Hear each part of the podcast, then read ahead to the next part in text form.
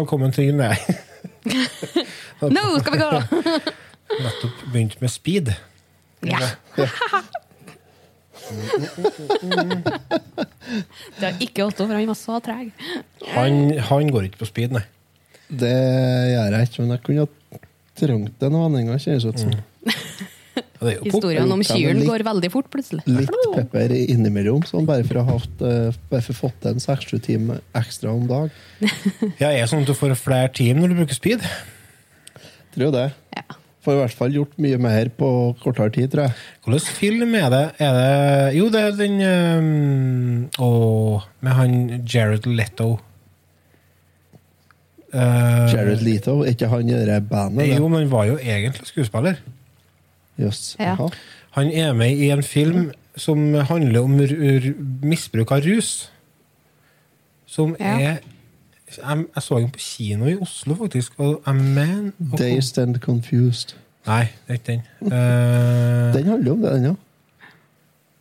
kanskje ikke Crank. var han, da. Eh, David Rek Nei. Requiem for a Dream, heter den. Requiem for a Dream, ja. Ja. Fy søren, det er 18-årsgrense på den. Ja, det bør det være. Det er en Det er en psykofilm, ass. brutal film. Det Vi må ta med oss lappe fra foreldrene vi, for å få se den når vi gikk media. For det var en så viktig film for oss å se. Ja. Og så måtte vi ha underskrift av foreldrene for å få lov til å se den. ja, såpass, ja. Yep. Men er ikke mora der som går på speed, eller går hun på, på medisin fra legen? Hun begynner med sånn slankepiller, Ja, det det, og så går det rett vest, for kjøleskapet begynner å ete opp. Stemmer det? Og så sitter hun og kikker på den TV-programmet hele tida. Ja, sånn Jeopardy-program som går og spinner, og mye lys, og, og så eter hun ikke mat, hun går og bare, tar jo bare slankepillene. Ja, stemmer det. Det er en bra film, altså. Tror jeg må se den. Mm. Ja. Hei og velkommen til Returtimen. Vi eh, har sittet og diskutert litt fordeler og ulemper med forskjellig bruk av eh, rus. Eh, det finnes jo mye fordeler. Mest fordeler, egentlig. Nei da, Sier han han uh, straight-ageren i podkasten her. ja, faktisk. Ja da, vi er en podkast om uh, popkultur. uh, som uh, Ja. Nå nå lander jeg litt. Nå, nå, har- det er nå nedturen starter. Nå starter. Dæken ta i var rask! Vi er en podkast om popkultur som fra 60-tallet fram til i dag. Vil du støtte oss, så går du inn på patreon.com. Vil du følge oss, så sjekk ut Facebook-sida vår. I dag så har vi landa på et tema som viste seg å være veldig, veldig mye større enn det vi egentlig hadde tenkt det skulle være. Så det blir interessant å se hvordan vi skal gå i blinde inn i det temaet. Men uh, før vi gjør det, så må vi jo selvfølgelig presentere oss. Det er jo meg, Otto, skal jeg si. Nei, jeg heter Lars. Otto, er det en du?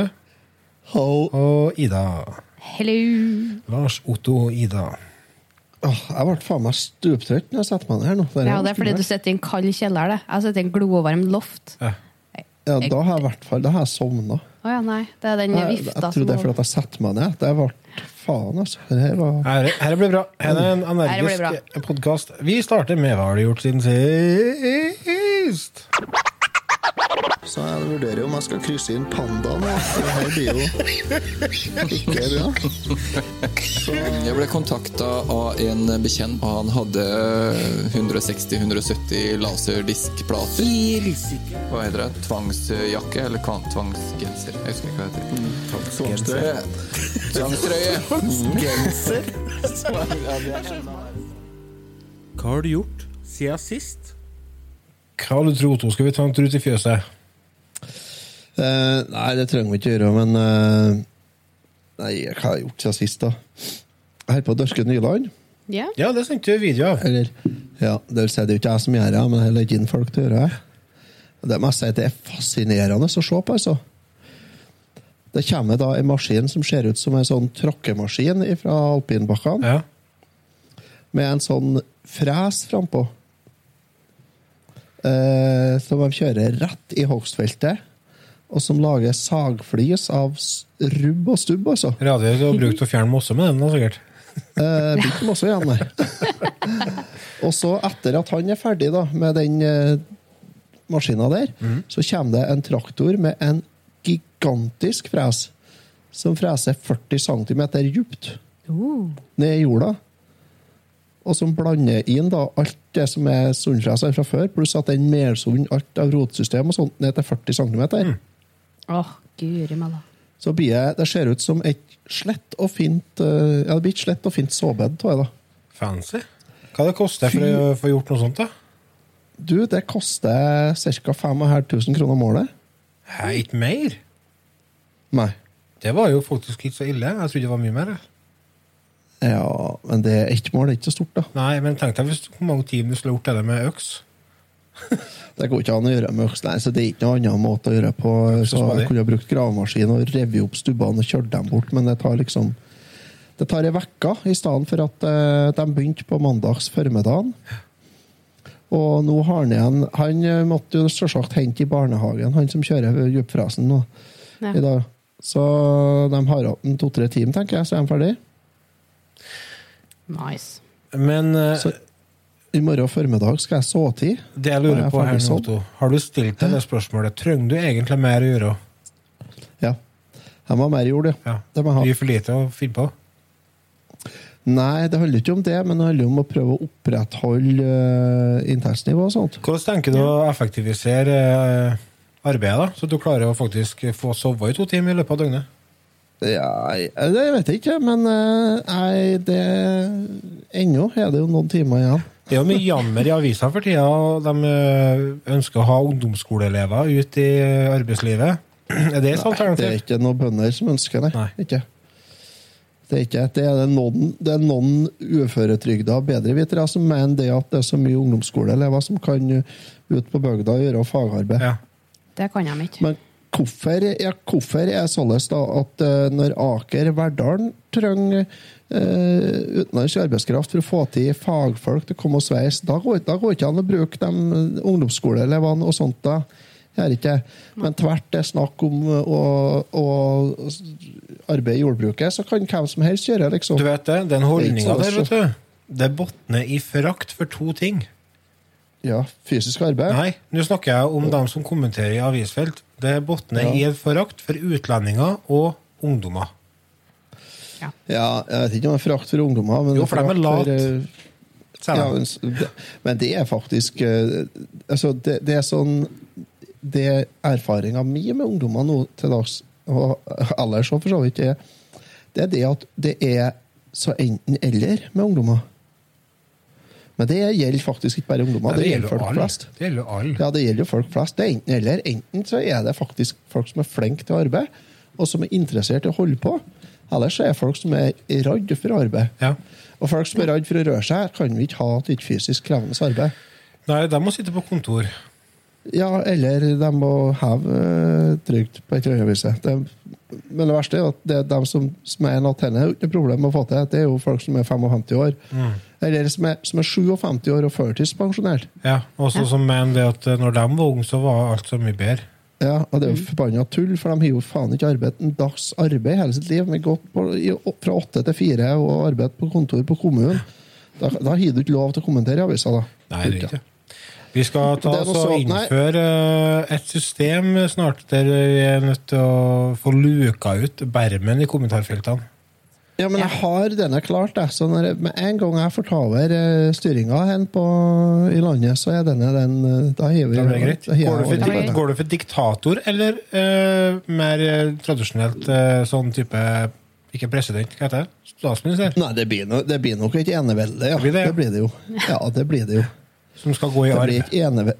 det blir ikke enevelde med, med utvalgte henchmen, ja. Hva det heter det de holder på med borti Kina og sånt?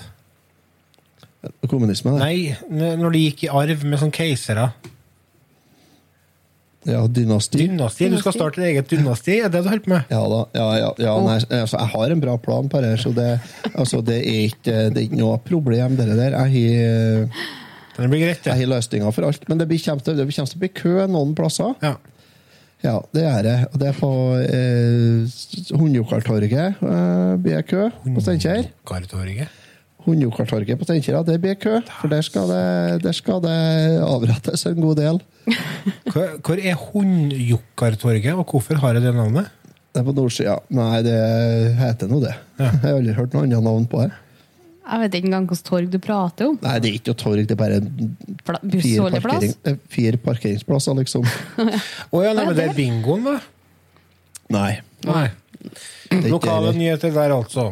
Meget lokalt. Så. Nei, så det har jeg gjort. Og så har jeg fått ut uh, melkekyrne. De er ute på beite. Og lever herrens glade dager. Solbrente deter og ut og inn to ganger om dag.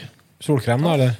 Så nå går jeg faktisk mer Det går solkrem for mer i, i månedene enn hva melkeoppgjøret mitt kommer til å være. Så det går jo det går ikke godt, Det nei, blir ikke pluss, det. Det blir ikke pluss til slutt. Henne. Nei. Nei, du kunne jo ta og arbeidet for en sånn veldedig organisasjon, du? Kanskje, Det det skulle, vi ha, kanskje skulle vi ha eh, sendt over ansvaret for jordbruket til staten? Kjør litt kommunisme, kanskje hadde vært på sin plass? For da hadde du fått det fokuset du har trengt. Kanskje vi skal prøve å skifte ut noe av staten først, da. Ja. Med meg. for ja eksempel. med deg. Da har jo denne vært i orden. Staten, det er meg. Staten, det er jeg. Ida, hva har du gjort siden sist? Uh, vi har kjøpt oss gassgrill. Oi, det er Ja, voksenpoeng. så- Det er voksenpoeng. Vi er oppdatert der, altså. Med Eh, wifi? Så, ja, den er det, ja. Den er svær, og den var søyetung. Eh, Så kom, vi fikk den jo i dag, for det var jo sånn klikk og hent. Eh, Og så Mm. tenkte vi skulle rekke å grille før vi før jeg skulle spille inn her nå, da. Det var en Ikea-flatpakke de luxe. Mm. Yes. Og så var ikke det med slange til gass. Nei, det er ikke at du må bestandig kjøpe regulator. I- i Jesus, altså. altså. Men heldigvis så har jeg fått en for fire år siden av en venninne av meg, så det, jeg har en i uthuset. Yay. Det kan hende at det begynte å morskne, da må du sjekke den, ja. Nei, detaljer. Nei, Ingen som blir døvet av lite gasslekkasje. Da. Ikke noe stress. Nei, og så har vi fått godkjenning til å bygge garasje, så snart Ja. blir det kinaputter og kaboom utom her. Det er så bra. Garasjen koster like mye som huset deres. Ja, Nei. fantastisk. Det er helt fan rått, altså. Ja, Ida skal bygge seg lekerstue på åtte mål. ja, nært nok, ja. Bra når tomta er seks. Ja, men Det blir spennende å følge med på. da. Ja. Får du noe boltrerom i bar, du, da? Uh, nei, jeg får noe plass til vennsøsteren min inne. Ja. Og så trodde jeg at jeg skulle få et rom for å ha Såpe og krukker og planter og og sånn. sånt. Eh, men det fikk jeg beskjed at han skulle lage noen hyller under verandaen til meg, så jeg får ikke inn i garasjen. Ja. Enn med en sånn husholdningsartikler, såpe og vaskekost. Det gjør på kjøkkenet og på badet. Ja, det er Vi er jo to rom fra før. Ja, Ja, ja. Altså, du har jo bra med rom, da. Ja, ja, jeg har jo et helt rom egentlig for meg sjøl med symaskiner og sånt, og der jeg tenkte å skulle sitte og spille inn podkast òg. Ja. Jeg sitter på stua fordi det er ikke plass til meg og dataen inn på det rommet. Det er så bra, for at uh, vi har kommet såpass langt nå at uh, For at du hører jo egentlig til generasjonen under oss. Mm. Uh, og nå sitter vi og prøver å fornærme deg, men du enser ikke engang. Nei. Det Vi kunne ha vært, vi kunne ha vært foreldrene dine. Altså, det kunne vi jo ikke. Vi har jo aldri fått unger i lag. Nei, du ble 30, ble du ikke? Jo. Kunne nesten Det er ikke så langt unna. Men Nei, men jeg ser det at Vi sitter og sier det at kvinnens plass i hjemmet er på kjøkkenet, sant? Ja. Og det fikk du ikke med deg. Nei, For den holdninga, er- eksisterer ikke lenger i deres verden. Bryr seg ikke, altså, bryr seg ikke heller. At- Ja, Nei, vi kan jo ta den, for vaskerommet nede i kjelleren var jo på det ene rommet nede der som faktisk har normal takhøyde. Og så spor faren til Erik om ikke vi bare kunne bytte til et annet rom, så han kunne få ølbrygginga på det normal takhøyde. Ja. For det eneste som vaska klær likevel, var jo jeg, så da trengte jeg jo ikke fylle takhøyde. Er. Vaskerommet er nå flytta. Ja. Nei, men du må holde oss oppdatert på garasjebygginga, da. Å, ja, ja, ja. Jeg har, eh, jeg har uh, lekt uh, praktisk. Jeg er jo, jeg har jo brukt 40 Oi. år av livet mitt på å være utsvevende. Ja. Upraktisk, faktisk. Utsvevende og upraktisk livsstil. Uh, aldri hatt noe fokus på å prøve å lære meg noe håndverk eller noe. Det har vært bare sånn jazz. Sånn uh, TV-spill og gitarspilling og sånne artige ting. Så uh, nå holder vi på litt ut her, da, og ute i hagene og litt sånn. Og vi har beisa på ene sida av veranda og sånne ting. Og så skulle jeg, hadde jeg fjerna gammelbeisen på trappa og den lille plattingen vi har på framsida. Og venta på at den skulle tørske, sånn at jeg fikk eh, lagt ny beis. Og det tok noen da, for det var så ustabilt vær akkurat den perioden der. Men så endelig så hadde det blitt tørt. Jeg var ute og hente det jeg skal ha. Hente beisen og, og kost og sånne ting. Og så står jeg og kikker på den bøtta, og så tenker jeg hm, Var ikke det så ut som det skulle være noe vann inkludert i den? Og jeg tror det. Jeg tror jeg skulle blaute på trappa før jeg har på beisen. Og så går jeg inn til vasslangen, og så blauter jeg opp verandaen, nei, trappa. Eh, og så begynner jeg å klasse besten oppå vannet. Det er dønn fakta. Og så kommer kjerringa ut fra garasjen for å vinne det en tur, og så bare kikker hun forskrekka på trappa og bort på meg, og så Hva er det, hva er det du holder på med? Hvorfor er, hvorfor er jeg så bløtt på trappa? Nei det Skulle ikke vært vann på trappa, da? Helvete, Lars! Faen! Det må da gå an å være litt til stede når du gjør ting. Og hun ble så frustrert, vet du. Og jeg ble så frustrert over meg sjøl. For jeg hadde en sånn uggen følelse. Nei, det skal ikke være Jo, det skal være vann. Vi peiser på vann. Og, det, og det grunnen til at det ble sånn, var fordi at når jeg hadde fjerna beisen, så hadde jeg brukt sånn beisfjerner, og da skal du jo fukte opp plankene sant? før du har Ja. på de greiene der. Og da hadde du gjort noe feilkobling da, oppi hodet til Helden. Så det var jo bare å ta bort den beisen igjen og begynne på nytt. Så nå er jeg på å vente på at den trappa skal tørske. Det har jeg gjort siden sist. Jeg fatter ikke at du har greid å leve i 40 år. Det, det, det Jeg skjønner ikke at det går an. Jeg takker omgivelsene mine for det, da. At du, altså, altså, du er altså den minst handy og, og fornuftige personen jeg har truffet i hele mitt liv. Jeg begynner å, skjønne den rekka av x-er jeg har. Ja, det, begynner, å- det begynner å gi mening. ja. Eh, Så det er jo Det er et under at den kjerringa mi kan faktisk helle ut med meg, men jeg tror jeg er veldig snill. Så. Jeg Veier opp der. Vei Ja, opp. et eller annet bør det være. Du, enten har du 30 cm roterende kuk, ribbed for her pleasure, Ja. eller så er det eh, er det Mye så peng- flaks at mye det- peng ja, det, pe- Pengene og skjegget, ja. Ja, da. Nei, for det, det at det går an. Ja, det er, det, jeg fatter ikke sjøl det. Jeg, jeg ble helt satt ut av meg sjøl. Og det er jo ikke at jeg ikke vet det, men akkurat der og da så er det noe feilkobling. Jeg tror Vi må bare ta en pause. For det her må jeg bare fordøye, for det her er faktisk noe av det minst Ja, det er, det er helt utrolig. Um, ja da. Altså, så du, det er, ja, så, altså, jeg, jeg vet ikke hva som er Otto er vi målløs. skal ta oss og sette i gang, eh, vi skal sette i gang jinglen, så skal Otto få ta Du igjen seg kan jo ikke gjøre så, så, sånt! Fy faen, altså. Herregud. Året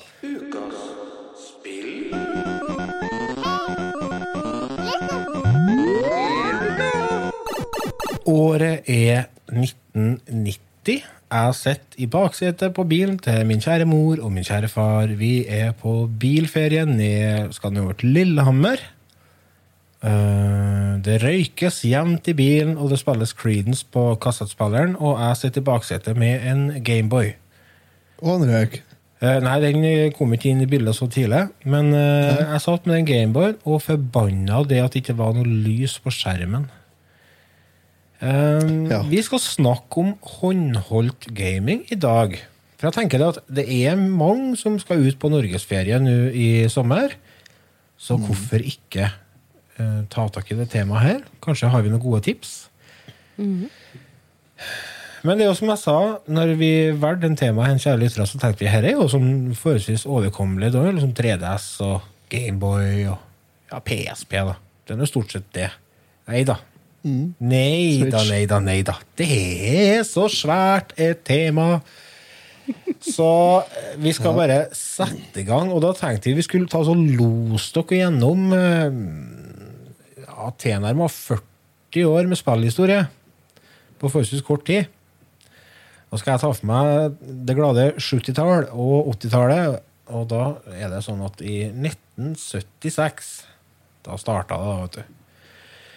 1976, 1976, så kom det første ordentlige håndholdte spillet. Det var et spill som heter Mattel Auto Race. Det, det ble faktisk solgt på millionvis, til tross for at det var veldig enkelt laga. Du skulle styre en rød prekk og så skulle du passere andre prikker. Det var liksom biler, da. Det er sånn gjenganger i mye av de gamle spillene. Det er viktig å ha god fantasi.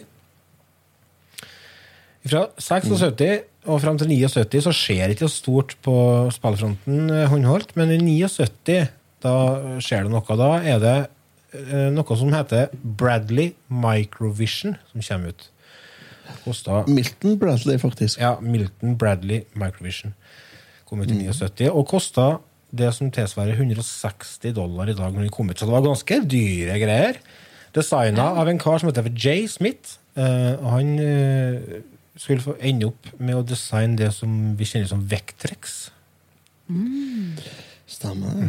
Det var den uh, Microvision det var den første konsollen der du kunne bytte ut forskjellige spill. Det, det var sjøle fronten på spillet som du skifta ut. Og den hadde en 100 kHz prosessor i spillene, så det var ingen intern prosessor i den maskina. Og det var 16 ganger 16 monokromt display, vil si svart-hvitt, og hele 64 bites med ram. Så det var jo et rettelig monster. Men øh, den var en viktig konsoll på mange måter, og kanskje en av de viktigste var at ifølge han Satur, Satoru eh, Okada, som var sjef for utviklingsavdelinga til Nintendo på den tida der, så var Game Watch designa rundt det som var Microvision sine begrensninger. De så hva Microvision fucka til, og så fiksa de på det. Så det må jeg nesten takke Microvision for. For at er noe som har betydd mye for meg i ung alder, så er det de Game Watch-spillene. Eh, Det ble utgitt tolv spill til den Microvision, deriblant Connect 4, altså det er fire på rad, og så var bowling og pinball og Blockbuster. da. Blockbuster eh, var vel det spillet du fikk med når du kjøpte spillet. En annen ting som skjedde i 1979, som var eh, veldig viktig, var jo at det var en godeste Gunpei Yokoi var på togtur, der han så en forretningsmann som satt og leika sammen en kalkulator. Kjent historie. Det trigga en idé som skulle bli starten på noe veldig veldig veldig populære håndholdte spill, men de kom ikke ut før i um, 1980. Det Game Watch.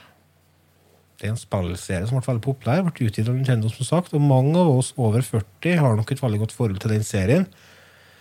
Med spill som Donkey Kong 1 og 2, Oil Panic, Snoopy, Climber, så var det en serie som ga mye penger på kontoen til Nintendo gjennom hele 80-tallet, og helt fram til 1991, faktisk. Da det siste spillet, Mario the Juggler, kom ut. Vi har i etterkant også fått en utgave av Super Mario Bros. 1 på Game Watch, som kom ut i forbindelse med Mario sin 35-årsdag. Og vi har jo en egen episode om Game Watch. Jeg husker ikke hvilken episode det var, men det kan dere sjekke ut. Der har jeg lita tilståelse å komme med. Ja. Jeg mobba jo deg og Ida for at dere hadde brukt tusenvis av kroner på den Game Watchen. ja. Se hva han Se hva jeg kjøpte meg. Kan du En fortelle Game meg? and Watch. Jeg kjøpte den sjøl. Ja, Ja. Ja. Den er Jeg jo så søt og den, fin. ja. Så den er helt uåpna. De ligger ganske greit i pris nå. Det var 300 kroner. Mhm. Hva er det- Jeg Du kjøpt- sa du skulle ned og kjøpe deg den nye Xboxen, så ble det en uh, Game Watch i stedet. Jeg ble en Game Watch i stedet. Hvorfor ikke? Nice. Og så en Megadrive Mini. Kjøpte jeg meg Det sånn. har jeg vurdert sjøl. Har du fått testa den, eller? Jeg har testa den så vidt, og den virker veldig fint. Eh, God, gammeldags Megadrive-kontroller og ja, veldig helt OK. Ja. nice. På starten av 80-tallet så var det en annen ting som skjedde, og det var et selskap som het for Entex, som prøvde seg litt på markedet. Uh, Entex starta i utgangspunktet som et firma som satsa på sånne eh, modell, modeller, altså fly, fly og biler og sånne ting. Og til noe som ligna på Lego, som de kalte for Lockblocks. Du, det tror jeg jeg har vært borti. Ja, det er sånn kopigreier. Ja. De ga ut eh, spill under mottoet 'Game for the discriminating player', så det var litt, som skulle være litt mer sånn high end. da. Det var litt dyrere. Og det første de kom ut med, det var 'Select a Game'. Det var i maskinen det kom seks forskjellige spill til. Uh, Space Invaders 2, Basketball 3, Pac-Man 2 var noen av titlene der. Og arvtakeren til Select a Game det var Adventure Vision. Eh, Den kom ut i 82, og det var sånne små sånne tabletop-maskiner. Og det kom ut, Dem De var det bare ett spill på, da. Men de hadde, det kom fire forskjellige versjoner. Og alle var porta fra sånne arkadespill. Det var Defender, og så var det et som Super Cobra, Turtles og Space Force. Space Force tror jeg var basert på Asteroids, hvis ikke jeg tar helt feil. Centec, var det du kalte dem? Eh, Entex. Entex, ja. Det høres ut som de produserer sprengstoff, egentlig. Ja, sant? De ligner litt på dere Game Watch-tabletoppene. eh, Dere Adventure Vision. De er jævla fine. Ja. men eh, jeg tror de må betale litt for å få tak i dem. De gikk, på bat ja, de gikk jo på batteri, da, selvfølgelig, så de kunne jo tas med overalt. Ja. Men eh, på grunn av at det var, det var en sånn spinnende motor i maskinen som gjorde at den brukte veldig veldig mye batteri. da. Det er jo noe som vi kommer til å komme innom flere ganger her. Ja, for altså, Er det noe som er viktig for uh, suksessen til en håndholdt maskin, så er det jo god batterikapasitet. Ja. Og det er ikke noe mange som har. altså. Nei. Dan, dan, En god del av de konsol eh, håndholdte konsollene som vi skal snakke om i dag, de er kiv på å ete batteri. Mm. Og husk på det at eh, nå er det jo en ting, for at nå, batteri koster jo ikke noe lenger. Nei. Gjør det jo ikke. Men når du sånn- 50 kroner i vekka i ukeslønn, så var det kjipt å måtte bruke penger på batteri. 4A-batteri, det. Ja, det. Det er det. Var det I gamle dager var det, Nå koster det sånn 30 kroner for en 20-pakning batteri vet du, på Ikea. Mm. Ja. Men vet, batteri var, det var faktisk dyrt før. Var det. Så det er noe vi må huske på. Mm. Vi har jo kommet fram til 1983. Da var det en sak som kom for Vetec Verity. Det var seks spill som kom til den maskina. Og det som var litt annerledes med den, var at det var, det var to lag med LCD-skjerm. Som gjorde at du kunne få til litt mer avanserte spill. Og den ene LCD-skjermen satt fast i sjøle spillet. Oh. Mm. Så det kan du sjekke ut på Google. Vtec Verity. I eh, 84 så kom det som er kanskje kjent som den verste håndholdte konsollen gjennom alle tider. Den het Supermikro. Og Det ble gitt ut kun tre spill til den, og maskinen var laga av billig plastikk. Masse bugs som prega softwaren, og den mørke skjermen den glitcha jevnt og trutt, så det gikk jo rett til skogen. Uh, React Attack, Outflank og Aladdin Adventure var de tre spillene som kom ut til den maskinen. Det var hele biblioteket, liksom. Og i 84 så kom det som var den mest avanserte maskina helt fram til 1989, faktisk. Det var noe som het for Epoch Game Pocket Computer. Og det var den første maskina som hadde innebygd prosessor. Og den hadde en veldig sånn klår og fin skjerm. Og det var den første som hadde eh, romkassetter, altså read only memory-kassetter. Den hadde to innebygde spill, et puzzlespill og et maleprogram av alle ting. Eh, Det kom ut totalt sju spill til den, eh, og den kom ut kun i Japan og er rimelig sjelden. Så skal du kjøpe den i dag, så må du faktisk ut med flere tusen kroner. Jeg var ute på eBay og kjekk litt, for jeg fikk litt lyst til å kjøpe den. Så prisen, fikk jeg ikke så lyst på den lenger. Eh, Kostbar. Men altså, det er jo ikke veldig mye altså, jeg tror det var rundt Spillene på 7000, altså. Å, hei. altså, spillene er ikke sånn yay, Nei, eller? altså det er jo det er artig å ha i en dag, og så bare angre deg Ja. etterpå. Ja. Kunne kjøpt mye annet for denne, egentlig. Så kommer vi til en grensesprenger. En som satte standarden. Uh, I 1989 så kom Gameboy ut, og det snudde jo alt på hodet. Med på kjøpet så fikk du spille Tetris og en linkkabel, så du faktisk kunne spille toplayer med en kompis. Og det har jeg gjort mange ganger. Jeg har gjort det så mange ganger at når jeg var på retrospillmessa for noen år siden, så var jeg såpass kjepphøy og karete at jeg utfordra Otto til duell. Da fikk jeg passet påskrevet. Husker du det, Otto? Ja, jeg kommer sto på det. den Gameboy-kiosken. Der, hvor sur du Ja, var. det er faen, altså, er noe, altså jeg, jeg, jeg føler meg at jeg er ganske Kjeften sa du, og ok. så gikk du bare. Ganske, ganske ok. Dritsur Jeg er spent, jeg gjør ikke dagen. Kasta Ja, ølflaske etter, òg. Nei, altså, jeg, jeg, jeg føler egentlig at jeg har ganske god koll på Tetris, men eh, det holder jeg ikke. med. Bonden fra Ungdalen han slo meg i stævlen. han. Jeg er så glad for at du tok opp det her. Ja, jeg sa du gjorde det. Jeg skjønte det. Jeg måtte ta opp det. Ja, det, ja. Men her var, Gameboy var jo en kjempesuksess, og jeg har jo så mye minner til den. Jeg lurer på om vi har laga en episode på det. Hvis ikke, så er det kanskje på tide å ta lage en ny en.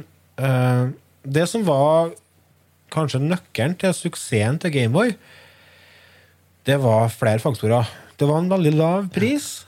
Jeg tror den kosta bare rundt 1000 kroner. Jeg, jeg kjøpte mine fra England, faktisk. Jeg sendte med sparepengene mine til foreldrene til bestekompisen min, som var på, skulle dra til England. Og kom med den og sparte sikkert 50 kroner på kjøpet i England. Men så hadde du òg etablerte karakterer i spill. altså Du hadde Super Mario, du hadde Zelda og sånne ting, som hadde allerede etablert seg på Nessen. Eh, og så var det batteritid. Du kunne jo spille aldri så lenge på den. Gameboyen på fire batteri.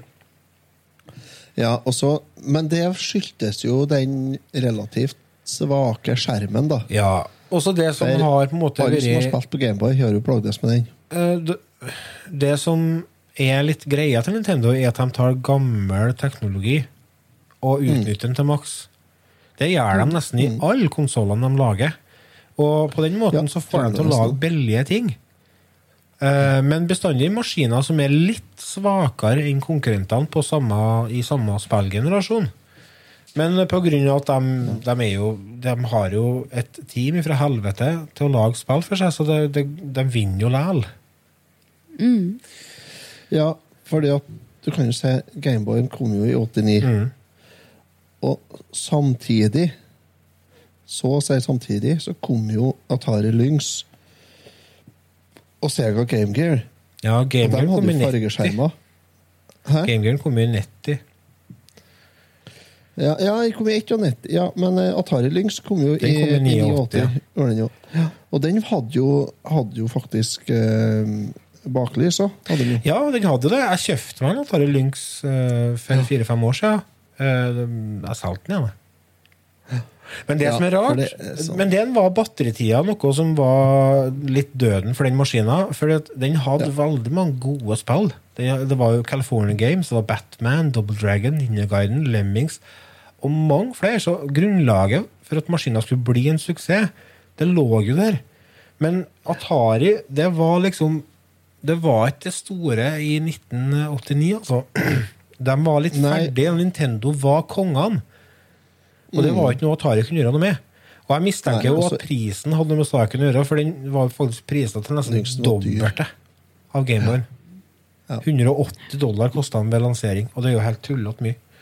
Ja, det er tullete, ja. Eh, Men det skal sies da at den maskinen den har jo sin fanskare, og det kommer jo faktisk fortsatt ut nye spill til den. Til Lynxen. Ja. Eh, det. Flappy Bird, husker dere det spillet? Ja. Ja, Det kom ut på Atari Lynx i 2017.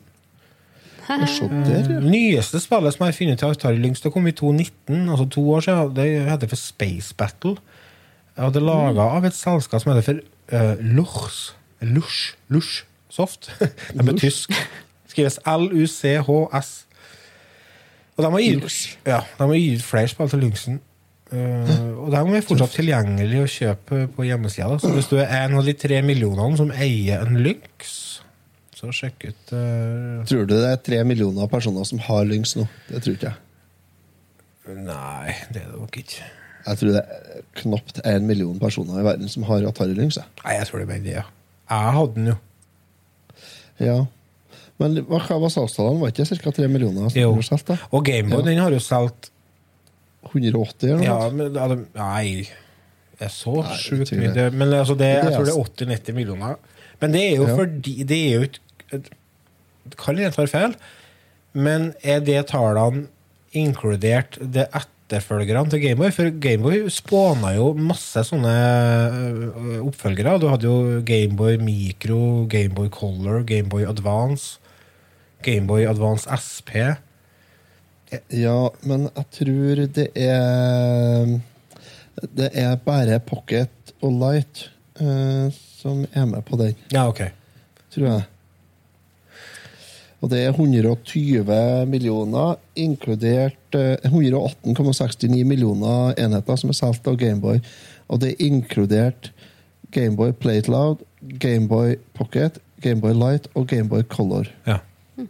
Ja, for det, det var jo fire maskiner med samme øh, Samme hardware, Ja, sant. Det var bare litt ja, den, ja, den coloren har jo litt annen skjerm, da. Jo, jo. Men sånn ellers så er det så- det samme opplegget. Ja. Ja. Men det var det, altså det er jo Eh, det var 80-tallet og 70-tallet når det kommer til håndholdt gaming. Det er jo masse annet rart som kom ut òg, men det er ting som jeg har valgt å ikke Altså Det gidder jeg ikke å bruke tid på. Altså. For det er så mange som skulle hive seg på den bølgen og tjene seg noen kroner. Mm. gikk ikke så greit. Voldsomt. Gikk ikke så greit. Nei. Jeg tar vel litt det, da, så inn på 90-tallet. Ja, los oss Eh, inn i 90-tallet, du. Ja, vi har jo så vidt vært innpå her nå med Gameboy og Atari Lynx. Den kom jo i 89, men uh, suksessen deres kom jo ikke før utover 90. Uh, så kom jo TurboGrafx kom jo med en som het for Turbo Express. Var ikke den så vanvittig dyr? Jo, den jo var ganske kostbar, og den var jo ble solgt bare i Japan og Nord-Amerika. Uh, Det er den som, Den det er den som ligner på en sånn eh, ligner litt på en Gameboy, egentlig. Uh, gjør den, altså. er jeg, fikk så, jeg får sånn feeling av den, eh, den greia i Ghostbusters, der de søker etter spøkelser med. Det er med de Ja, antennene. ja, ja, ja den, den PK-meteren eller noe sånt. Ja, Ja. noe sånt, ja. Ligner litt på den, ja. Uh, den uh, spilte jo sånn kortspill, vet du. Ja. Spillene var på kort. ja. Eh, så den spilte jo sånn uh, TurboGrafx 16 og PC Engine-spill. gjorde den jo.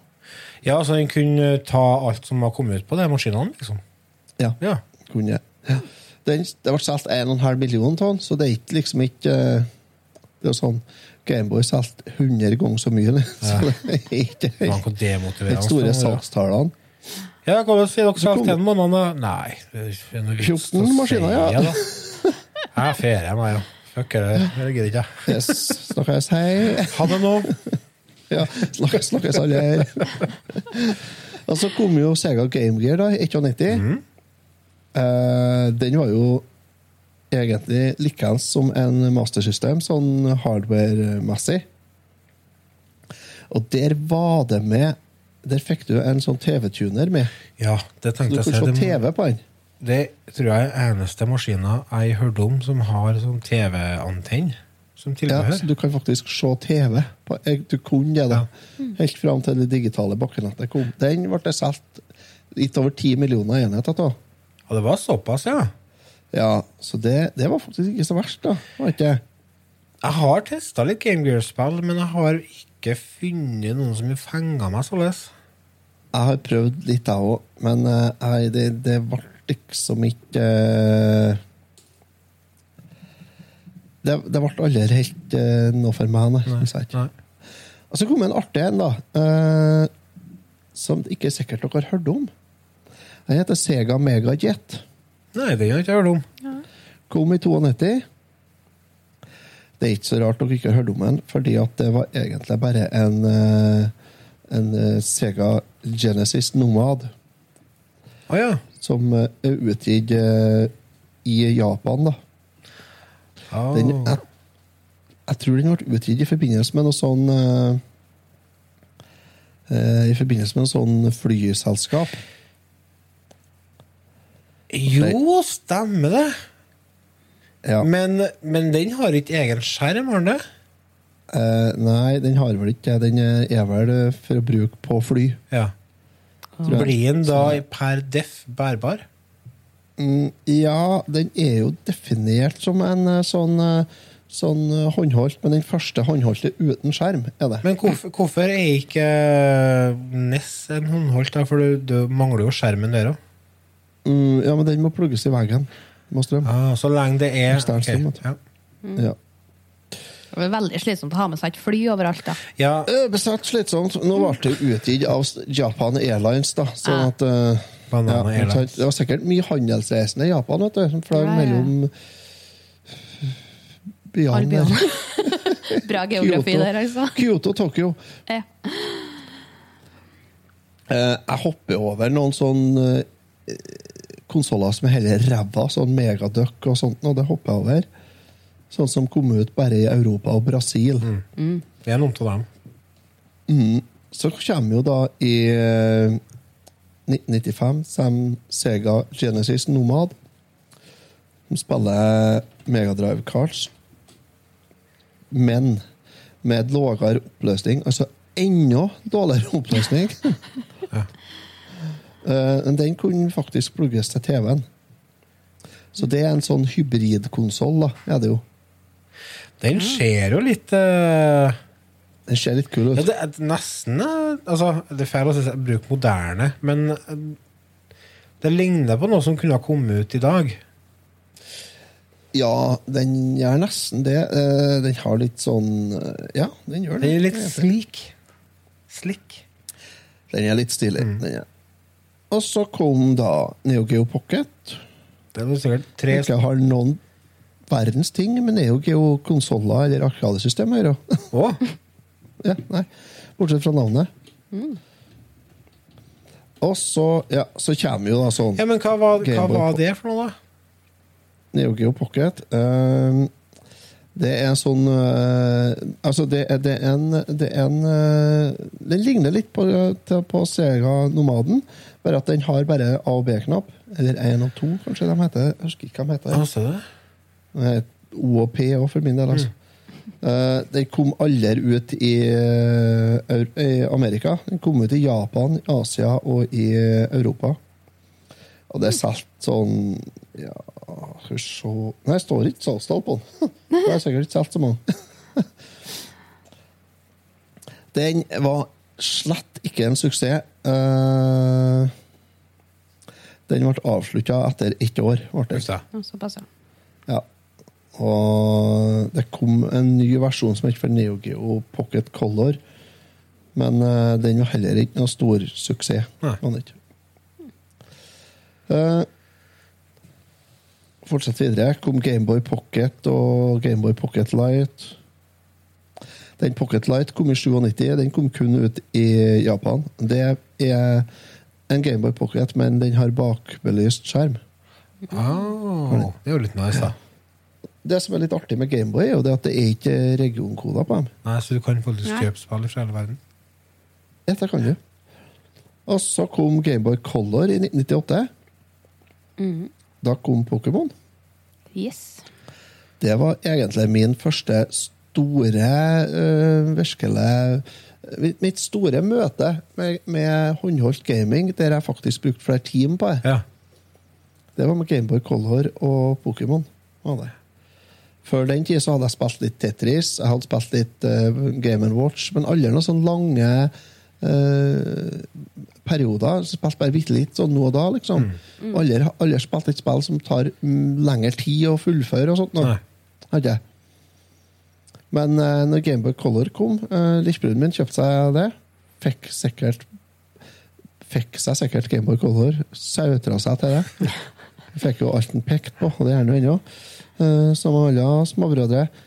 Uh, så, så spilte jeg uh, Pokémon Gold, sikkert. Blue, egentlig. Blue. oh, de fleste Blue. har gold. Blue og red kom på Ja. Ja. tror kanskje det var Blue variant. Jeg husker ikke. I hvert fall, den kom ja i 98. I 98 så kom det òg en eh, et spill, en konsoll som heter for Sony Pocket Station. Vet dere hva det er? Nei. Det er et uh, Den kom ut kun i Japan. Det er uh, PlayStation en minnekort. Men den er en portabel minikonsoll og minnekort i ett. Den. Har aldri vært borti den, aldri eh, sett den. Den ligner litt grann på en sånn eh, eh, VMU som kom ut samme året. eh, Sega sin. Ja, til Dreamcasten. Som, til Dreamcasten. Ja. Det er jo, er jo et sånn minnekort og mini, sånn portabel minikonsoll i ett. Det var Sega VMU, ja. Den setter du i kontrolleren. Den er kjempenice. Her. Og så kom Bandai med sin Wonderswan, Ja. som er laga av kanskje gudfaren til håndholdt gaming. Og D-paden, mm. Gunpei Yokoi etter at han slutta i Nintendo. Da gikk han over til Bandai og var med og utvikla Wonderswan. Wonderswan er jo Jeg har aldri prøvd en Wonderswan, men den er jo en, en konsoll som mange har. Og det som er så rart, er at den har liksom to sett med ikke D-pad, men, men uh, rettingsknapper Ja. på venstresida. Stemmer det? Det er en oppå og en nedpå, ikke sant? Jo. Den er så rar, den der. Jeg, jeg har aldri eh, Jo, jeg har kanskje hylletid, men jeg har aldri prøvd å spille på en. Jeg har ikke spilt som er kommet til noen ting. Jeg. Nei, den bruker jo sånn romkartridger, den òg, den. Ja. Eh, det er jo eh, to forskjellige utgaver av. Det er eh, Wonderswan og så er Wonderswan Color. Det er solgt ca. 3,5 millioner enheter totalt. Ja. Feil! Og, ja, det er feil, altså. altså eh, det kom, Final Fantasy-spillene kom ut.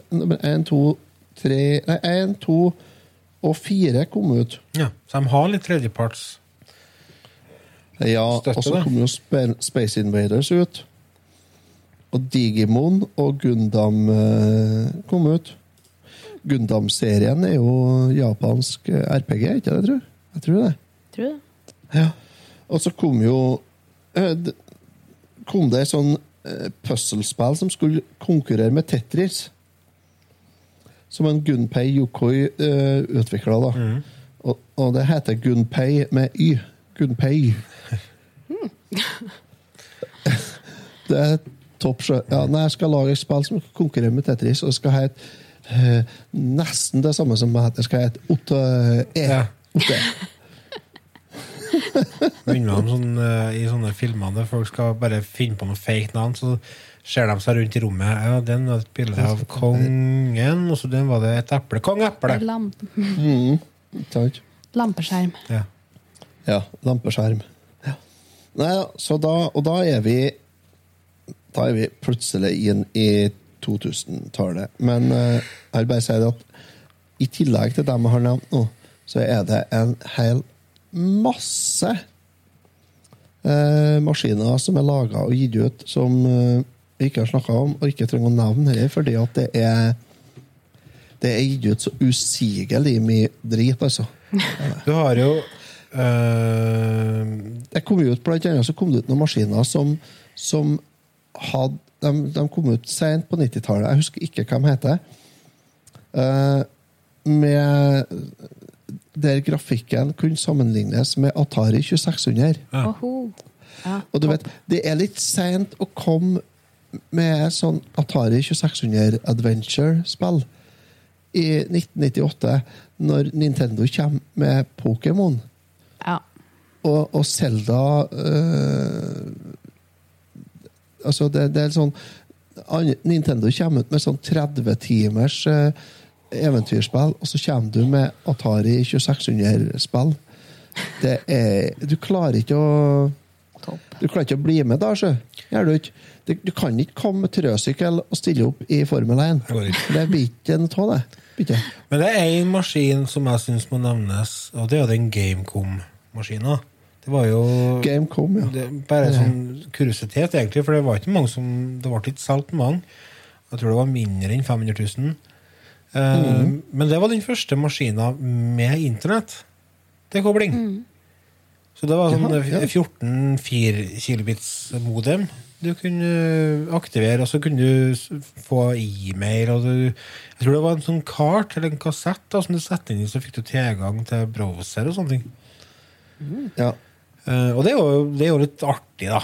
Og det, det, kom jo ut eh, ja, sikkert 15-20 spill, men eh, det var ikke noe suksess. Men sånn, når vi først går gjennom viktige maskiner. Ja, det var jo Tiger Electronics som kom ut med den. Var Det det, stemmer, de var jo stor på sånn, På sånn enkle håndholdte tidligere. Ja, Ja. de drev jo og, og jobba med sånne Game Watch-lignende LCD-spill Mm. på 90-tallet.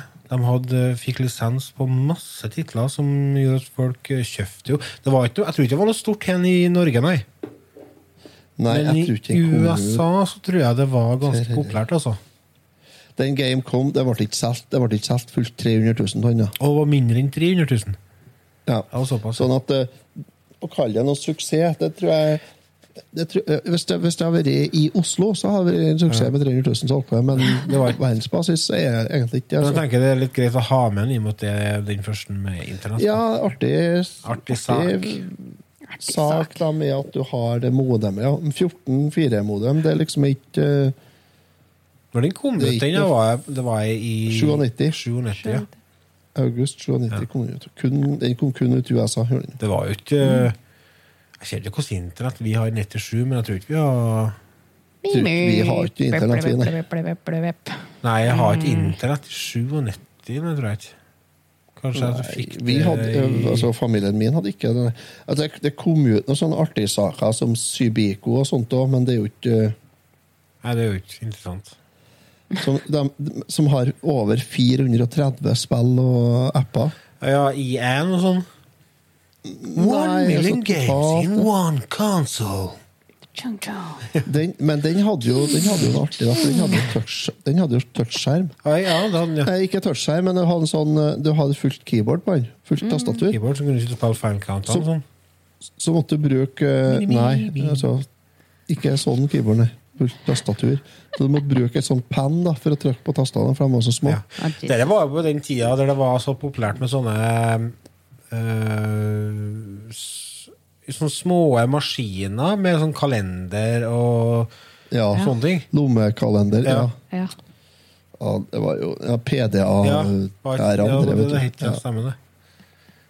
Hva du sa du, Ida? Det var jo ikke Blueberry, var ikke den? Heter et mobilen som kom ut med sånn Black- fullt tastatur Blackberry, vet du. Blackberry. ja. Blackberry. Ja. Ja. Ja. Den var jo helt djevel å ha skriv på. Det var jo så små knapper. Ja, Ja, Silje hun hadde jo et par sånne av de tidlige touch-telefonene i tillegg. For at hun drev jo og solgte GPS-er, og der, var det jo GPS-er på. vet du. Ja. Det var jo så mye. Det var så mye. Altså håpløst. Det gikk jo ikke an å skrive tekstmelding. Det var bare å glemme Hvis du, Å skrive når du kjørte bil, det var ikke mulig, for du var nødt til å bruke det styrlusen for å skrive. Ja, ja. For at de knappene var jo sånn, altså tastene var sånn 1 gang 1 millimeter. Altså to piksler. Hvis du setter du fingeren bort bare, vet du, så hadde du jo faen meg på det alt fra T og ned til V, og fra D til J. Jeg plages litt med telefonen her i dag. Jeg. ja. Ja, nå er det jo kjempestore knapper, egentlig. Så hadde du en artig en som het for Precomputer 1000, da. Nå sa du det? Få høre. Ja. altså, det er så mye rart, vet du. Ja. Men det er en sånn ut... eh, En sånn, eh, sånn eh, skolemaskin, liksom. Ja, ja. Skulle lære basic programmering og sånt. Okay. Og stavekontroll og sånt tull på. Det ble eh, aldri det helt store. Jeg lurer på om det finnes et museum for håndholdte konsoller? Ja, gjør men Jan sikkert, ja. Olav, kanskje? Jo, men det er mange av dem han ikke har, ja. ja. Det er det helt sikkert, men samtidig så er det, det er så Det er sikkert en gal person i USA som har alt. ja. Det er klart det er jo begynn med. det, det, altså, det, det er klart at det er jo en del som har det, men eh, det er jo ikke Det er jo en nettside som heter for handheldmuseum.com. Og der er det mye rart innpå. Selvfølgelig. Uh, men uh, jeg tror ikke den er komplett, nei. Langt derifra. Den Og så har du ei nettside som heter for gamicus.fandom.com. Jaha.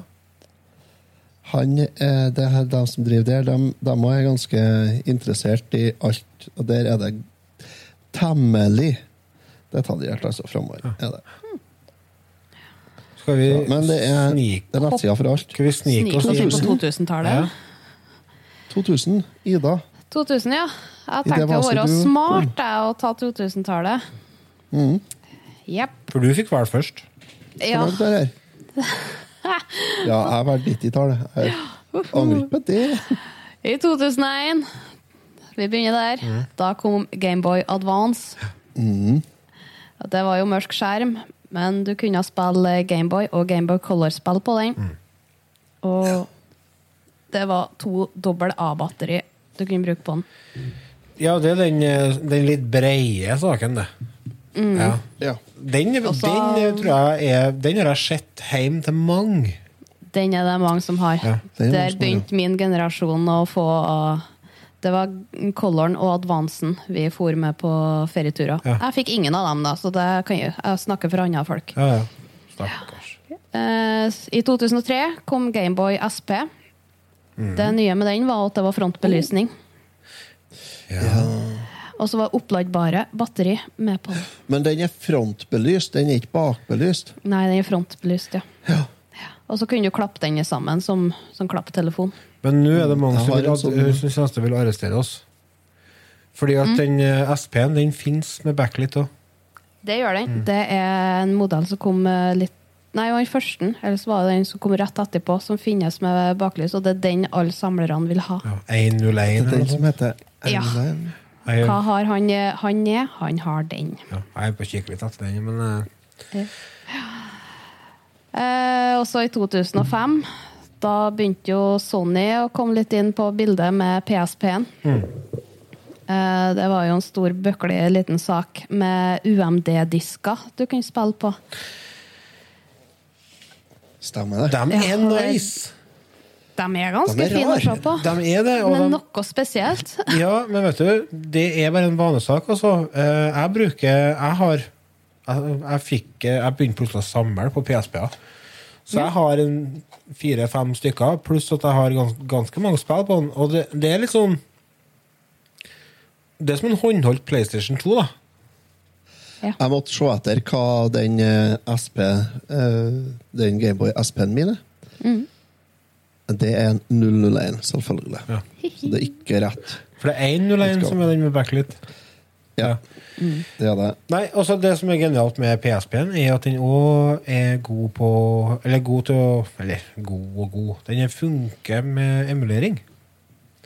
Ja, det gjør den. Og så kunne du vel koble den til PS3-en som fjernkontroll. Ja, det kunne du kanskje gjøre, ja. Og så i 2005 så kom jo Gameboy Advanced SP òg. ja. Eh, og der var det jo bedre skjerm. Og litt seinere samme året så kom Gameboy Micro. Den var mindre, lysere og skarpere skjerm og skiftbar deksel på framsida. Har dere prøvd den? den. Nei, det har jeg ikke. Men jeg har tatt på den. Sa. Men uh, Sa alt. ja, for den, jeg har en sånn fetisj for håndholdte konsoller, så jeg driver og leter etter en uh, mikro. Men uh, jeg gidder ikke å betale hus og hjem. Nei, Så- og så støtter den ikke Gameboy Gameboy og Gameboy Color-spill. Nei, det er kun Advance-spill, det. Ja. Den er jævla fin. Ja. Den finnes sånn, jeg tror den finnes i rosa. ja, den er kjempefin. Finnes i masse farger. Ja. Men den koster litt. solgte jo den eh, på retrospillmassa. Hva det de bruker solgte den for der, da? Ser ut nesten Hus og sånn, heim. den, gjør det ikke? Mm, ikke noe langt unna. Eh, og så begynte jo Nintendo også i 2005 med DS-familien sin. Da? Ja. Der kommer det klappe-DS-ene. Ja. Det var min Eh. eh, retur til, til gamingverden. Jeg kjøpte mm. meg en Nintendo DS når jeg var i, Eller DS Lite jeg kjøpte meg da i, i Syden. Og det var jo for å skjerme eh, Klappinga var jo mest for å beskytte skjermene, og den gjemmer av og på-knappen, så den ikke skrur seg på i lomma når du er ute og går. Ja. Det var begrunnelsen for den. Du måtte vise fram en uh, DS XL? DSI XL. DSi, ja. Ja. Og så har vi en ja. Den, eh, 3DS den kjøpte vi i lag. Den var en, Min bror var henta den hjem til Lars, faktisk. Der tok jeg en råsjanse og førte over 2700 penger. Hva det var for noe til en Lars? Ja, Det, det, det, det var før du kjente meg spesielt bra òg. kjempebanditt. Luguber Derfor så, sendte jeg, derfor så sendte jeg min bror, han som kjører Harley Davidson, og som har kjempestort skjegg, jeg sendte han til Lars for å hente den. Det har kommet mange DS-er. Ja, for DS, og så har du DS Ja, det var ikke Eh, meningen. 2006 eh, Nintendo DS Lite. Ja. Ja. Og så i 2009 er Nintendo DSi. Og 2010 da Nintendo SI XL. Men hva er greia med det DSi? Er det at det er kamera på den? Det er kamera på den. Ja. ja. Det er den DSI XL jeg har der, er det. Ja, den er Og så har jeg. Ungene har fått hver sin uh, vanlige sånn DS. har de. Mm. Ja. Men har den uh, DSi-en noen fordeler i forhold til at den er kraftigere enn DS Lite, f.eks.? Mm, Du kan jo Ja. spille Gameboy-spillene på den. ja, Den har en en egen port på. skjermene er mye Gamle bedre. Gameboy-spillene? Mm. Ser du det? På DSI-en? Mm. Da kan du det? Sto så. Hvor du putter inn dem, da? I hølet? Ja, men i hølet. Jeg har aldri prøvd å putte den inni hølet. I helvete, skal du få 2007 så kom jo PSP med Slim Light-versjonene. Ja. Og i 2012 kom PS Vita. I, øh, det er feil å kalle det flopp, men øh, i forhold Ja. til 3DS-en, som var noen samtidig, så det Ja, det jo den litt flopp. Eh, 2011, så 3DS-en kom jo året før Vitaen. Ja. Og så har du jo 3DS XL og 2DS og New 3DS XL og New 2DS XL. Det begynner det å bli litt mye på hvert år. Ja. Ja. Det, det, det, det snører seg til utover der. Det blir veldig mye. Men eh, det som jeg er nysgjerrig på, er den PS Vitaen. Jeg har litt lyst på den. Eh, for der PSP-en på en måte er en eh, PS2 i håndholdt format, så har jeg inntrykk av at PS Vita er PS4. Ja. Litt samme, i hvert fall. Og Sikkert litt dårligere. men- Jeg har ikke PS4 ja. prøvd noen, jeg må jeg ærlig innrømme. Nei, det er det. Jeg husker den- en i klassen min på ungdomsskolen som var sikkert eh, vanlig PSP. Han eh, lasta inn musikk og sånn på den og gikk, og brukte den som en MP3-spiller. Ja. Mm. ja PSP-en fikk du kjøpt filmer til òg, vet du. Mm. Ja. Er ikke den veldig lett å he- Jo, å emulere. Ting og tang. Ikke at, ikke at vi er det, nei, men eh, Nei. det er veldig lett å gjøre det. ja. Ja. Og så på disse glade 2000-tallene så er det jo utrolig mange som bygger om eh, litt av hvert. Og det er jo mange som selger egen egne eh, håndholdte som ser ut som en Gameboy, men det er sånn 200-300 eh, spill på med Tetris og Megamann og Hurraheia. Ja. Og det var enkelte på mm, Jeg husker ikke hva nettsida var, men de solgte eh, Sånn at du kunne koble den til TV-en òg, og så var det med ei NES-bake, så du kunne spille to stykker. Ja. Eh, Den var ikke så dyr. Det var 300 Så har du den som heter for eh, Pocketboy. Mm. Pocketboy. Det er jo rett og slett en Gameboy med bakbelyst skjerm og kjempefin maskin. Mm. Gameboy Micro er veldig mange som bygger om. Mm. Det er det. Og så har vi jo storslageren Nintendo Switch. Ja. Switch er jo kjempefin som en håndholdt. Det stiller liksom en egen liga. Jeg føler det blir litt urettferdig. Det. det er jo en Ja. sånn hybridkonsoll, da. Ja, det Det jo. er det. Nei, så Switchen den er jo kjempefin å ha med på ferieturer. Ja. Og etterpå så kan jeg jo ta, anbefale et spill til Switch som nettopp er kommet ut. ja, det blir spennende å høre. Men, hva er, men før vi kommer dit kan vi, Jeg fikk en sånn kols her, jeg. Ja. Øyeblikk. Eller eh, humle i hersen eller noe. Eh, Høne i halsen, er ikke det heter er radioresepsjonen? Jo, stemmer. Ja. Hva er deres gjennom tidene favorittspill på en håndholdt konsoll? Ikke lov å si Tetris. Det er litt vanskelig, fordi at uh, Switchen har jo uh, på en måte tatt over trona for alt. Uh, Ja, Men jeg vet ikke om vi kan regne med den. Nei, jeg syns det blir urettferdig. Hvis vi ikke regner med hybridene. Ja. Ja, altså kun For kun håndholdt gaming, liksom. Da tror jeg det er Animal Crossing på 3DS-en. Det er der jeg har brukt mest tid. Ja. Og så Majora's Mask og Green of Time var jo ikke fælt, det heller. ja på tredas, ja. Og Ja. det er vel den min første første håndholdte. For jeg Ja. fikk ikke noe Advance og Color når jeg var lita. Nei, ikke sant? Nei. Jeg syns det er veldig vanskelig å, å kåre på en måte en favoritt. Uh... Der var jeg sikker på at jeg visste hva du skulle si, Lars. Ja, hva Jeg trodde at du kom til å si Links Awakening. Ja, men det er jo så mye. Det er jo så mange gode spill. Altså Mystic Quest til Gameboy og Super Mario Land 2 til Gameboy. Game Watch-spillene har jeg jo til meg religiøst forhold til. Jeg har jo så mye gode barndomsminner til det. Donkey Kong og det der. Og, um, og så har du jo nyarspill på 3DS. Mario Kart 7 for eksempel, har jeg spilt masse.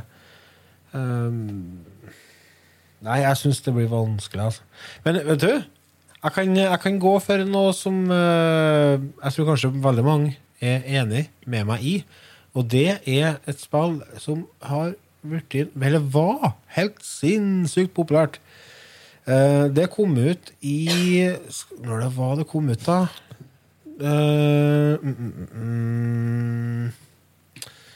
Du er en slange. Og Snake. Yes. Det er Snake. vet du, 5110 30, og Snake. jeg spilte på 3310, men den kom jo for første gang ut på 3210. Og det var jo i 99 cirka. Det har jeg spilt mye. Det er mye. Veldig mye. Og det er, sånn, og da, det er litt Ja. mer sånn håndholdt gaming, sånn som jeg i utgangspunktet tenker på håndholdt gaming. For at håndholdt gaming for meg, det er noe som du kan ta opp og holde med i fem minutter, og så legge fra deg. Når du begynner liksom å dra ut på sånne 40 timers eventyr på en håndholdt konsoll, så er det på en måte eh, et helt annet ballspill for deg. Ja, det er det. Fordi at altså, Grunnen til at du er spurt her nå, det er jo fordi at uh, vi la ut et spørsmål på Retrotimen i dag. Det gjorde vi, vet du. si Lars la ut. Om hva som er favorittspillet vårt til mobiltelefon gjennom alle tider. For, det, for det er jo noe vi ikke nevnte i hele tatt egentlig nå. Mobilspill, ja. Ja. Uh, jeg fant jo en gammel klassiker. Jeg fant jo Usage Yujimbo. Uh, et av mine favorittspill til Commodore 64. På telefon. Der du spiller Ja, på Android. Der du spiller en god gammeldags eh, eh, Sånn samuraikanin.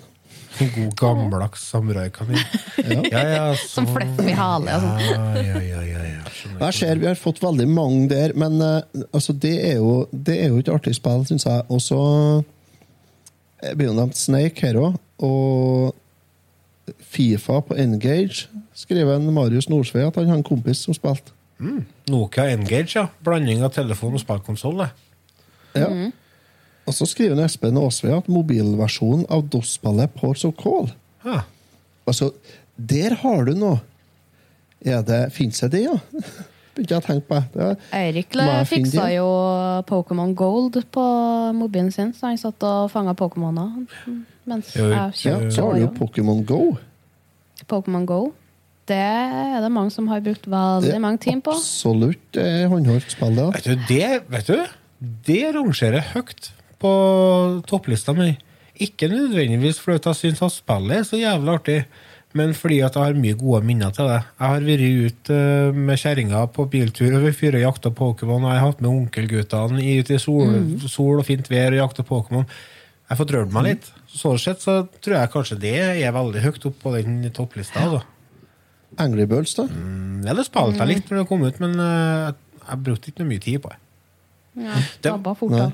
Det var jo, altså Mobilspill har du på en måte før og etter 2007. For Før 2007 så var det jo sånne enkle Sånn Snake og Solitaire. Ja, Solitaire, Bantumi, Space Impact og de spillene der. Men så kom jo Apple iPhone 3GS, er det den heter?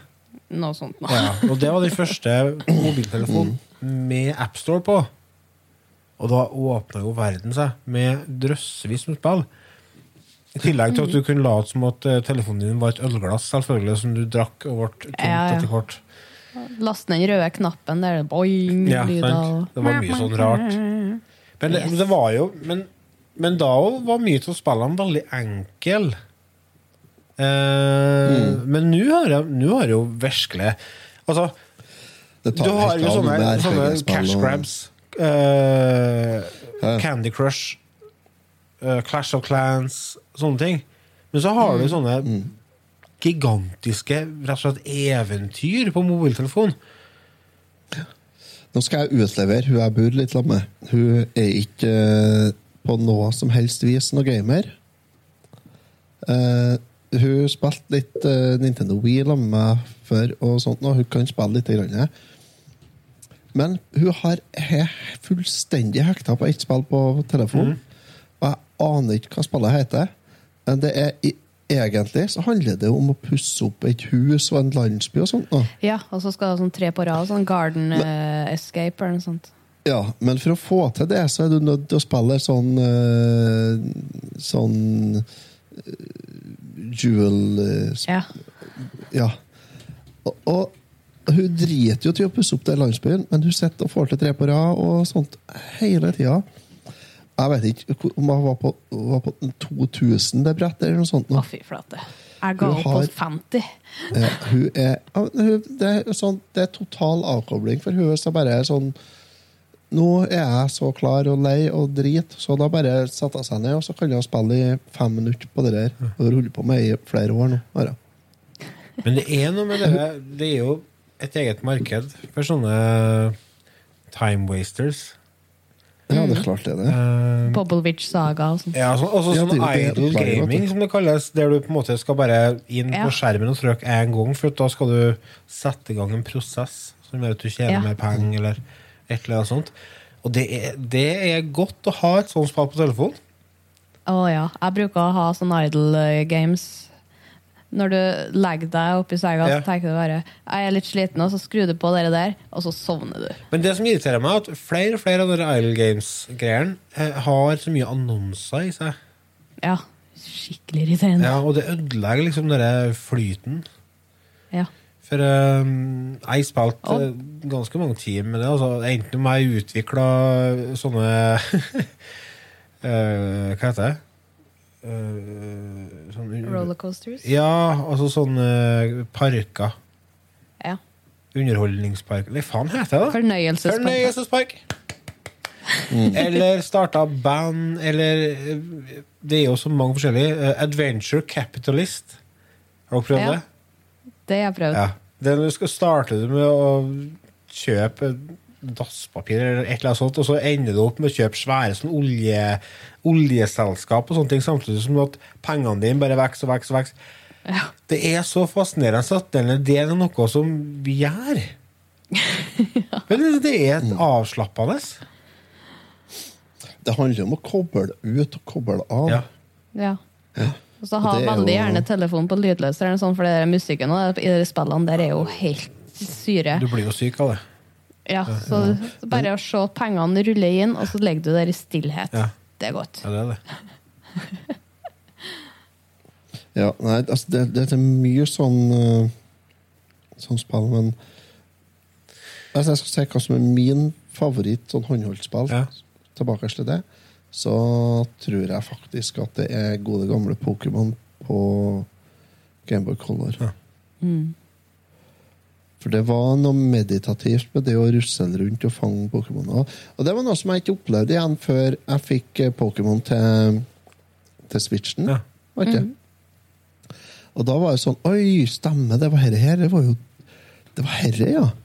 Ja. Og da følte jeg at jeg var litt ut av Pokémon-kjøret i 20 år der, og så kom jeg plutselig tilbake til det. Og det er dere eh. Pokémon Sword and Shield, eller var det Let's Go Pikachu? Sønnen Let's Go Pikachu Ja. Ja. var det første. Ivy Eevee som jeg hadde. Ja. Og så kom jo det Pokémon Sword, og det, å- det å spiller jeg fremdeles, og det er herlig. Jeg digger det der, altså. Lite, en liten quiz før vi fortsetter Pokémon-kjøret. Vet dere hva det mest populære mobilspillet er? Nei. Tipp, da. Pam, pam, pam, pam. Snake. Nei, ikke Snake. Er det noe sånn quiz-spill, da? Nei, Det er det. Player Unknowns Battlegrounds. Å, PubG! PUBG.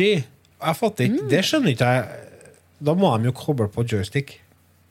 Du kan ikke Ja. sitte og knote med skjermen og touch. Ja, men har du en Samsung eller Sony-telefon, så er jo PS4-kontrolleren Ja, altså Det er jo en smal Ja. sak å koble på.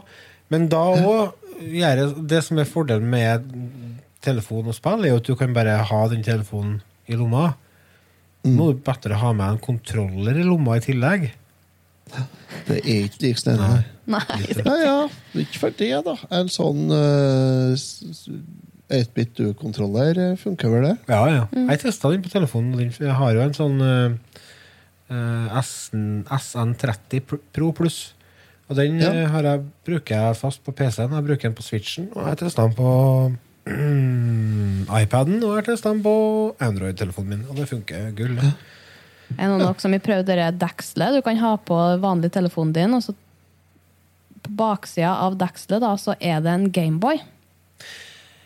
Som du kan koble til Gameboy-spill. det, Ja, det har jeg sett. det starta som en 1. aprilspøk, det. Ja. Som eh, folk bare klikka vinkel av. Her er jo helt fantastisk, her må vi ha. Og så, ja, ok, her var det marked for. Og så lagde de ja. Lager vi det. ja. Du må ha rett telefon da, for å få til det dekselet på. Ja, er ikke iPhone eller noe sånt, jeg tror Har ikke peiling. Nei, det finnes så mye rart. Men du, nå tror jeg vi skal begynne å runde av her. Vi kunne sikkert ha snakka om dette i åtte uker, sammenhengende, for det er så mye snodige greier ut på det håndholdtspillmarkedet. Da snakker du norsk, altså. Men nå er det tida Nå er det tida for Ida. Tida for Ida og to shine. Nå skal du få lov til å snakke litt om et spill som du har spilt etter Ja. jeg har sagt Crafty Go. Jeg har da fått eh, Pokémon Snap på Switchen. Det har releasedate 30. april i 2021. Dette her er jo et kosespill som går an å ha med seg på Switchen. Fordi alt av tutorials er i håndholdt versjon. Men du kan bruke en dokka til TV-en. For det var det jeg gjorde. Men alt av tutorials og knapper du skal trykke på, det vises som om det holder som han holdt. Det er utgitt eh, av Nintendo, laga av Bandai Namco Studios. Og det er en etterfølger av Pokémon Snap, som kom ut til Nintendo 64 i 99. Det er et eventyr-simuleringsspill. Hva du sa, er det en eh, oppfølger, eller er det bare en remake? Nei, etterfølger. Ja, okay. ja. Det er nummer to. Ja. Eh, Du er i Lentai-regionen. Du kommer opp til ei hytte der du møter professor Mirror, som en gal professor. Professor Speil? Ja, han er professor Speil. Ok. Eh, du skal utforske eh, Lentai-regionen er basert på litt forskjellige øyer med forskjellig jungel, ørken, strand og litt sånn forskjellig. Så du skal utforske dem og finne ville Pokémoner og ta bilder av dem. For Pokémon Snap så er du i en uh, transpo transporterbåt som heter Neo One. Så du sitter i et lite kjøretøy og ferier rundt og tar bilder av Pokémoner. Så da kjører du hvor du vil den, eller? Nei, det Sånn er som på spor. Nintendo 64. Ja, det er like er som sånn- på 64. Det er sånn spor du fer på. En sånn rail shooter, men med kamera, liksom. Ja, det er det. Hvis du skal, hvis du skal, ja, hvis du skal gjøre det enkelt, så er det jo Ja. egentlig det. Ja, så det er sånn spor du fer etter. Uh, han Mirror er interessert i et fenomen som er i Lentai-regionen, som han har lest i litt historiebøker, som heter Illumi, Illimnia blæ, blæ, blæ. Kan ikke snakke. Illimina-fenomen. Jaha. Det gjør til at Pokémonene lyser opp og glitrer, litt som en shiny Pokémon.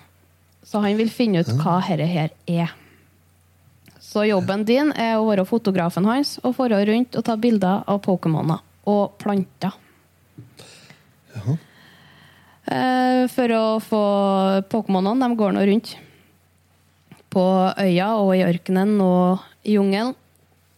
Og etter hvert så kan du få epler som du kaster ut. Eller det ser ut som epler. Det er en helt annen frukt, egentlig. Uh, og det er Ja, er Pokémoner veldig glad i. Det er jo det vanlige i Pokémon, liksom, at du bruker sånn berries for å fange dem og sånn. Ja, lure dem du kan styre styre dem til en annen plass. Eh, På Nintendo 64 husker jeg du kunne ta Coffing, eksempel. Kaste epler på han, og da for han i en vulkan. Og da kom han opp som utviklinga si, og da fikk du jo en ny Pokémon å ta bilde av. Ja. Så her kan du kaste epler på Pokémoner for å få dem til å flytte litt rundt på seg og gjøre litt andre ting enn å bare sitte der. Du har en knapp med musikk. Rør deg, faen! Do something! Dance, monkey, dance! Vi kan skru på musikk. Eh, Da er det enkelte Pokémoner som danser. Jaha. Eller dem som sover, våkner. Og det er litt snedig, fordi du kan forå rundt om natta òg. Og da er jo så klart en eller annen Pokémon som sover midt i linja du kjører på. Så da stopper du der. Ja. Altså, Bor det ikke bare del som toget på tur over Saltfjellet, liksom? Nei, nei. Du stopper. Du stopper opp. Og det er jo også litt snedig enkelte plasser, for da kan du jo lett han bare sove der, og så sitter du fast, og så kan du kaste litt epler og sånn på dem som er våken. Og da kan du få dem til å gjøre andre ting. Ja. Eh, Du leveler opp, for eh, alle bildene du tar, tar jo han eh, professoren og ser igjennom, og så rangerer om det er et bra eller dårlig bilde. Hvilke kriterier som gjelder for å få til et bra bilde? Pokémon skal se rett på deg. Eh, du skal ikke ha fingeren fram heilin, heilin inni skjermen. Ikke noe sånn avkutta øre eller eh, noe sånt. Eh, det er fra én til fire stjerner du kan ta bilder. Og da er det jo å ha på musikk, så danser en. Da har du kanskje en trestjerners. Firestjerners er hvis den eh, lyser.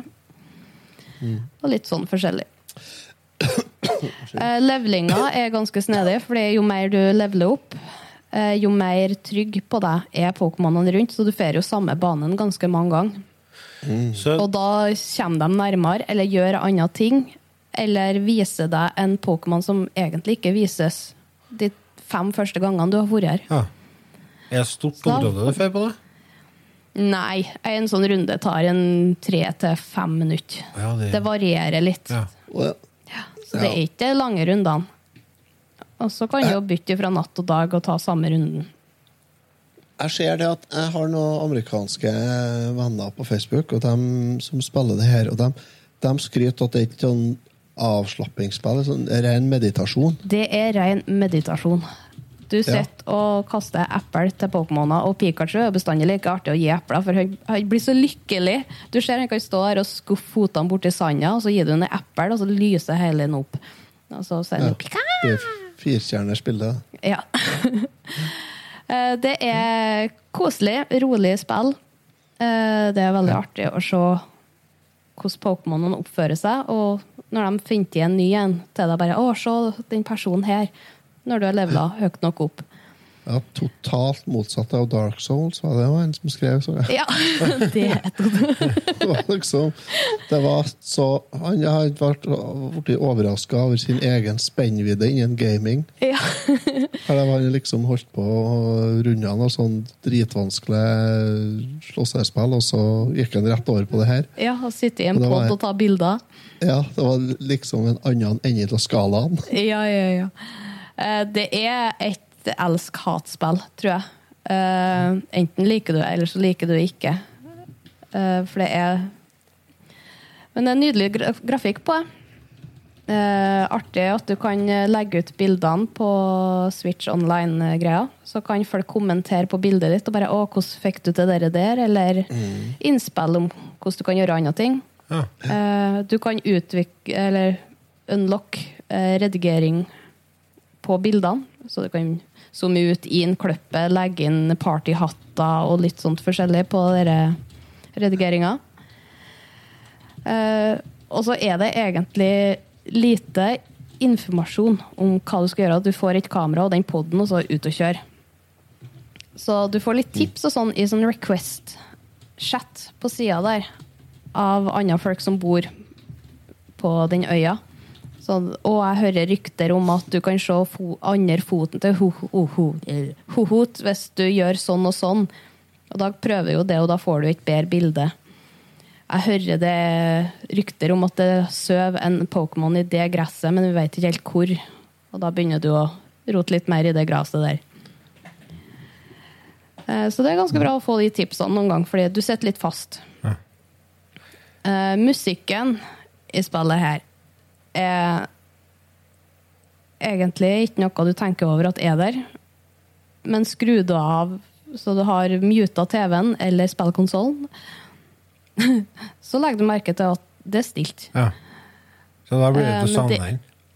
Ja, men det er, jeg, vet, jeg kan ikke nynne hvordan musikken er, Nei. fordi jeg vet ikke. Det er bare atmosfæremusikk, sikkert. Ja, det er bare noen rolig greier som er rundt, og så hører du Pokémonene som fører rundt og jabber med. Ambience. Ja. Så det er et rolig, koselig Pokémon-spill, der timene går fortere enn du egentlig var forberedt på. Ja, sier du det? Um, så jeg gir her spillet en karakter M minus. Ja. Jeg vet ikke helt hva de skulle ha gjort bedre. Men jeg Det er noe med det konseptet som i utgangspunktet er litt Ja. begrensa. Ja. Hva de klarer å gjøre ut av det. For hvis du tenker på Nå har jeg ikke spilt dette, og har ikke spilt det første heller.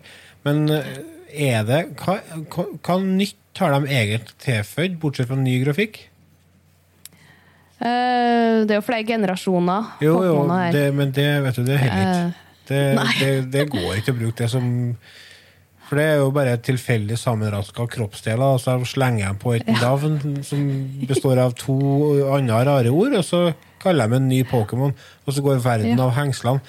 Men altså, for det er jo rett og slett det at du kan ta bilder av Pokémons.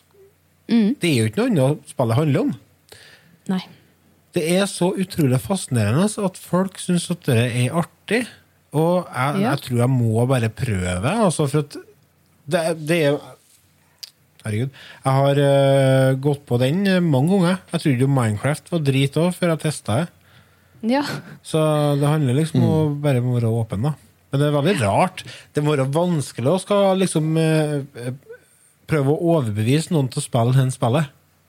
Ja, du føler Det det går tror jeg er litt slitsomt, fordi du sitter i en pod og tar bilder, Mm. og så kan du egentlig ikke fortelle så mye mer, fordi det er ikke noe mer å fortelle. Nei.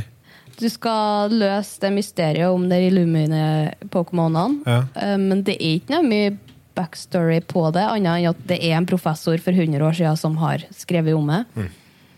Eh, Det er et koselig spill. Jeg kjente at etter ei 50-timersuke så var det veldig godt. Du, ikke 50 timer her, her nei. Nei, Med spillet. nei. nei. Men 50 timers arbeidsuke, så var det godt å bare sitte i sofaen og spille her. her. Ja. For å sette det litt i, i perspektiv, da, så har nye Pokémon Snap solgt fire ganger så mer. Fire ganger så mye som det originale Pokémon Snap. Ja. Allerede. Og det har Ja, og folk spør allerede om DLC-er. ja, og det har solgt mer enn eh, det spillet som jeg anmeldte i forrige episode, Returnal, til PlayStation 5. Så det er jo, det er jo, et- det er jo en massiv, massiv brukerbase, eller kundegruppe, kall det hva du vil, til han spiller her, og mm. franchisen. Ja, det passer jo fint til alle aldersgrupper, egentlig. Og det er jo vi som vokste opp med Pokémon, og så Ja. Ja, ungene har nå begynt ifra alle aldre. Ja. Nei, men takk for en fin anmeldelse, Ida. Ja. Vi skal legge inn røret og kle på oss trepysjamasen. Nei, det skal vi ikke gjøre. Det blir litt voldsomt. Men vi skal takke for følget.